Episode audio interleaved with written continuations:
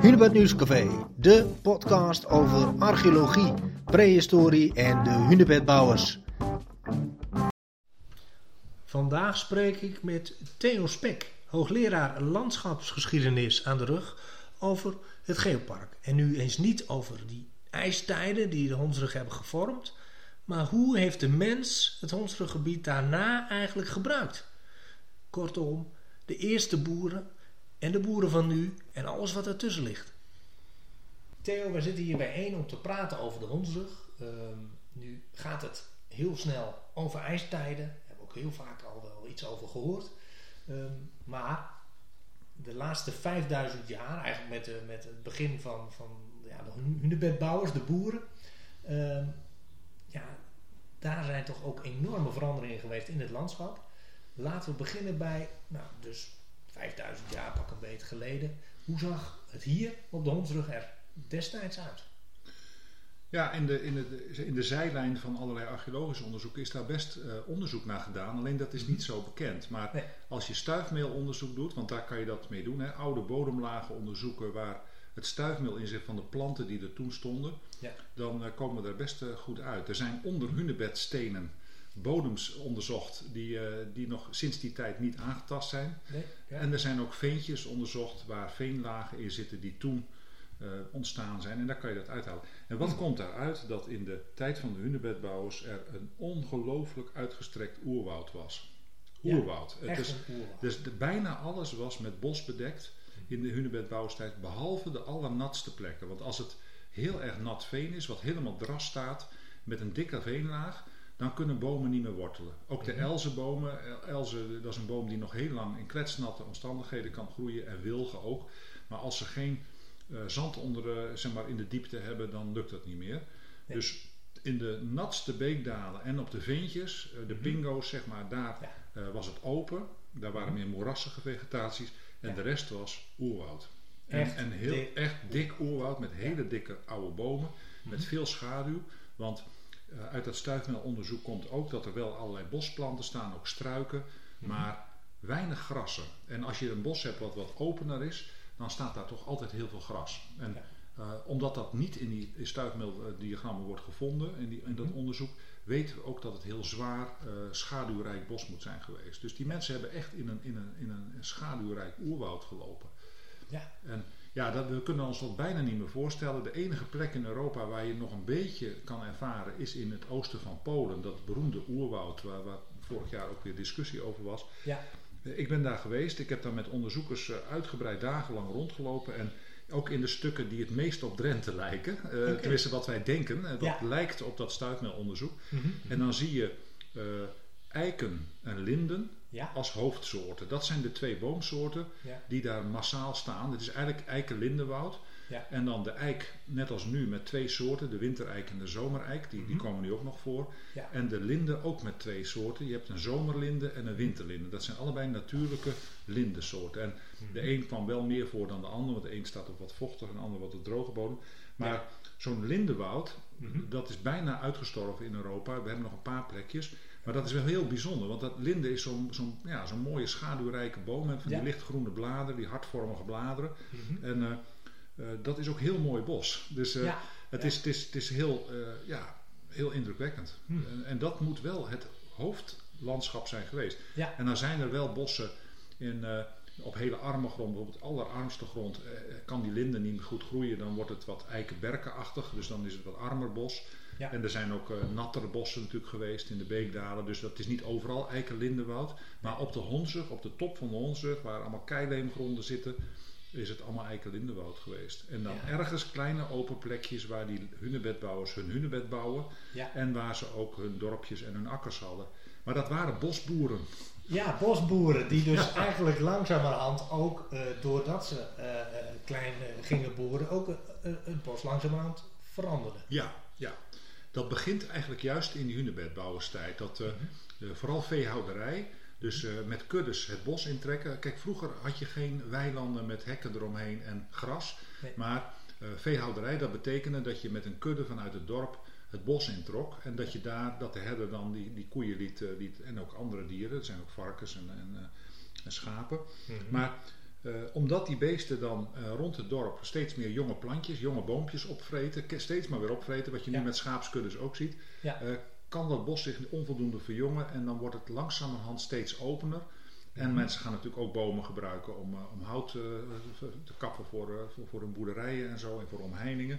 Ja. Dus in de loop van de honderden, duizenden jaren zie je dat oerwoud steeds opener worden. En dan wordt het een beetje parkachtig bos. Mhm. En, en, eh, en je ziet ook, eh, doordat het opener wordt, dat de regenval makkelijker de grond ingaat. Dat, het, eh, dat er ook dat er uitspoeling van, eh, van voedingsstoffen, want zo'n bos, zo'n oerwoud, heeft een hele rijke bodem. Mhm. En dat strooisel dat verteert ook snel en dan krijg je gewoon een hele rijke bodem. Ja. Maar op het moment dat het opener wordt, zakt dat water, dat regenwater, diep de grond in, neemt de voedingsstoffen mee en de bodem wordt armer. Dus Ja. eh, doordat mensen dat bos eh, gebruiken, wordt het eh, opener en armer. En ook Ja. langzamerhand gaat de linde ook op zijn retour. Die linde die, die wordt sowieso veel gebruikt. Er, er wordt eh, takken van gesneden voor, voor veevoer en het hout wordt gebruikt. En eh, heel langzamerhand eh, neemt de eik het over, verdwijnt de linde Mhm. en komt de beuk. die komt eigenlijk in de bronstijd en in de ijzertijd, dus al ver na de hunebedbouwers, komt Ja. de beuk op en die neemt eigenlijk het plekje in van de, van de linde. Alleen de beuk is door mensen nooit zo bevoordeeld, want de eik is voor de mens een veel fijnere boom. Hè, daar Ja. kan je veel beter bouwhout van maken en omheiningshout en brandhout dan van Ja. de beuk. Dus mensen hebben altijd eiken bevoordeeld en beuken een beetje weggedrukt. Ja, Want anders hadden we hier veel meer beukenbossen gehad. Ja, Ja. inderdaad. Ja. Ehm, dus het landschap wordt opener. Ehm, boeren hebben dus een invloed op eh, hoe de honzig er dus in 4 en 3000 jaar geleden eh, uit eh, komt te zien. En dat zet zich eigenlijk alleen maar voort. Hè? Ja.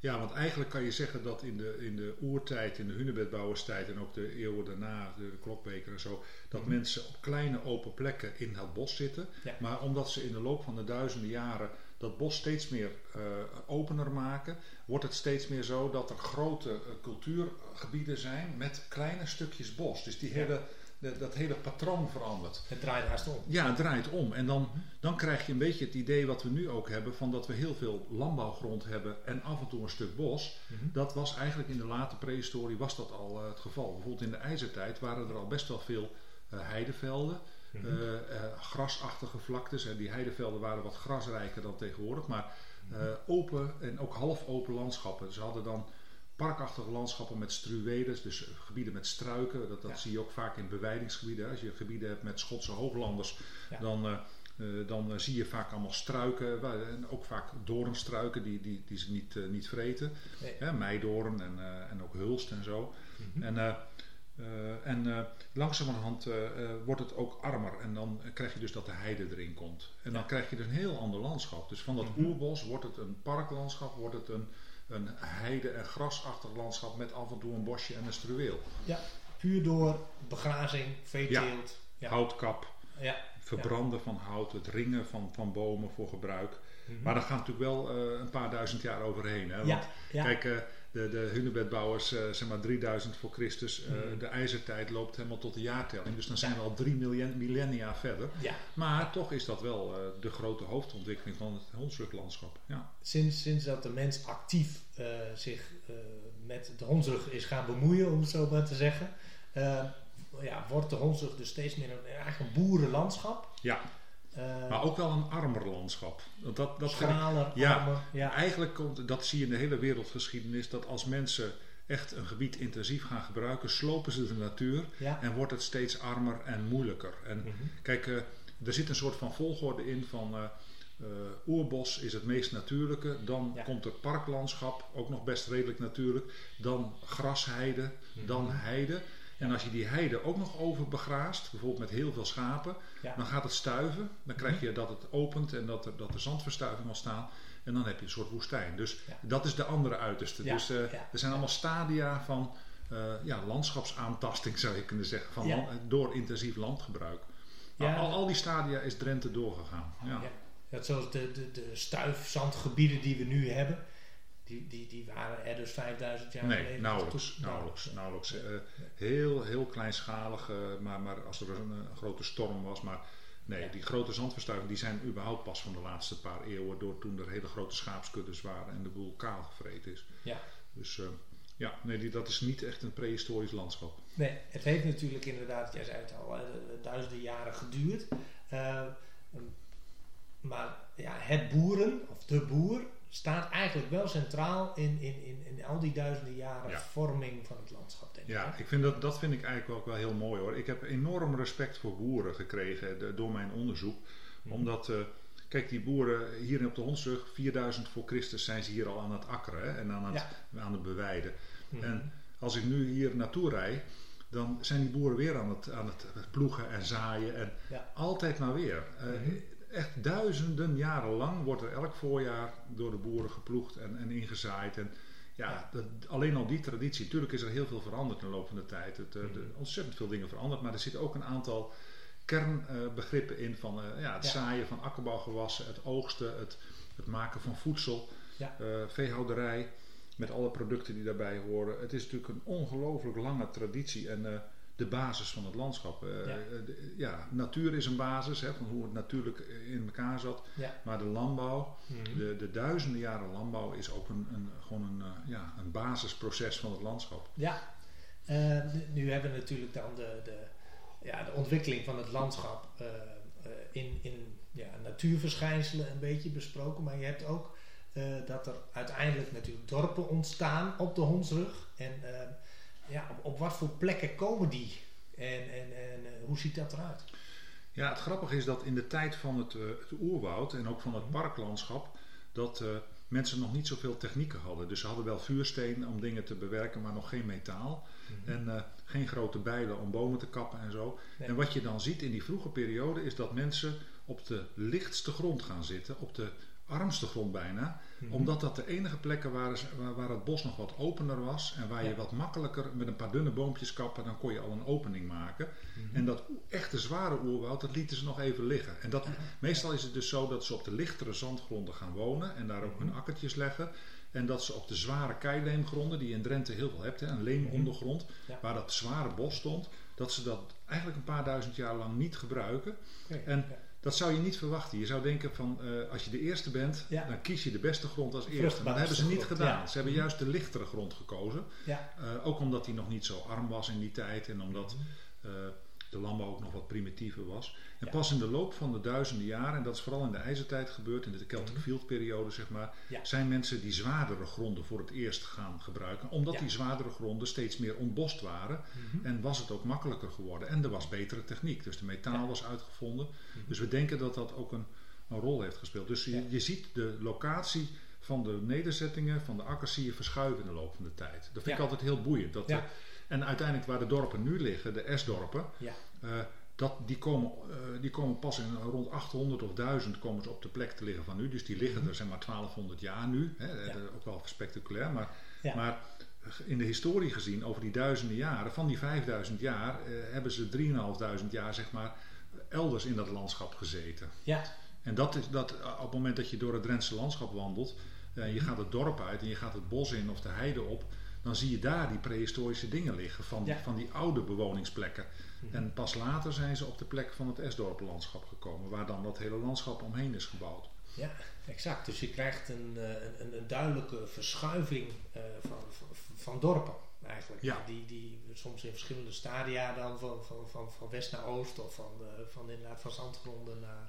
ja ja, en dat zie, je op de, dat zie je op de hondsrug zelf ook. De hondsrug, als je goed gaat kijken geologisch, dan bestaat die vaak uit, uh, uit meerdere keileemruggen met daartussen een zandige laagte. Ja. En, uh, en die zandige laagte in het midden, daar zaten de oude nederzettingen allemaal. Ja. En de huidige dorpen liggen allemaal op de randen van de Hondsrug. Dus als je over de N34 rijdt, heb je links een rij dorpen ja. of rechts. En niet in het midden langs die N34.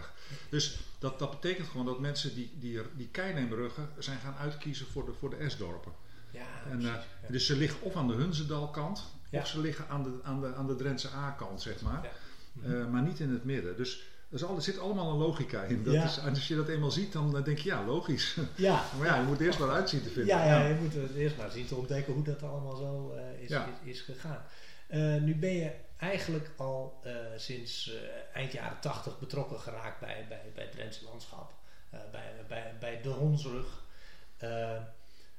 wat maakt voor jou nou die hondsrug zo bijzonder? Nou, sowieso die lange rij van dorpen. Hè, dat, dat er dus eh, je, ja, 60 kilometer lang tussen zeg maar, Zuidbargen en, Ja. en Groningen. Groningen was het noordelijkste S-dorpje van Drenthe. Hè. Dan moet je Ja. altijd tegen de Groningers blijven zeggen van jullie waren gewoon een Drents dorpje. Ja. Hè, ze hoorden ook bij Drenthe destijds. En het Ja. was gewoon een paar boerderijen en een brink en een S. Eh, eh, nou ja, dat is ook opgegraven door archeologen. Mhm. Niks bijzonders. En, Nee. Eh, maar eh, ja, die hele lange rijen, die twee rijen van dorpen, zeg maar, dat blijft wel heel bijzonder. En met, de- Ja. met hun akkers eromheen en met eh, de graslanden die meer in de laagte buiten de Hondsrug liggen, in de Hunzenlaagte. Mhm. En Ja. ja, dat, dat, is, dat, is, dat komt natuurlijk bijna nergens voor. Hè? Die, die, die eindeloos lange rug met, ja, met zo'n lange geschiedenis. Mhm. Nee, dat, is, dat maakt het natuurlijk per definitie heel, heel erg bijzonder. Je bent nu als hoogleraar landschapsgeschiedenis ook betrokken bij allerlei ja, eh, onderzoeken eh, van, Ja. eh, van studenten. Eh, eh, en, en, en die zijn dan ook nog wel met de hondsrug weer bezig. Ja, en ook met het Hunzendal. Ja. Ja, er zijn ook altijd wel weer, eh, bijvoorbeeld aan de overkant van de Hunze liggen eh, die dorpen zoals Eeksterveen, Anderveen, Zuidlaarderveen. Ja. Eh, dat zijn 12e, 13e eeuwse dorpen. Toen zijn mensen vanaf de Hondsrug over de Hunze gesprongen. Hebben ze daar een, dochternederzetting gebouwd.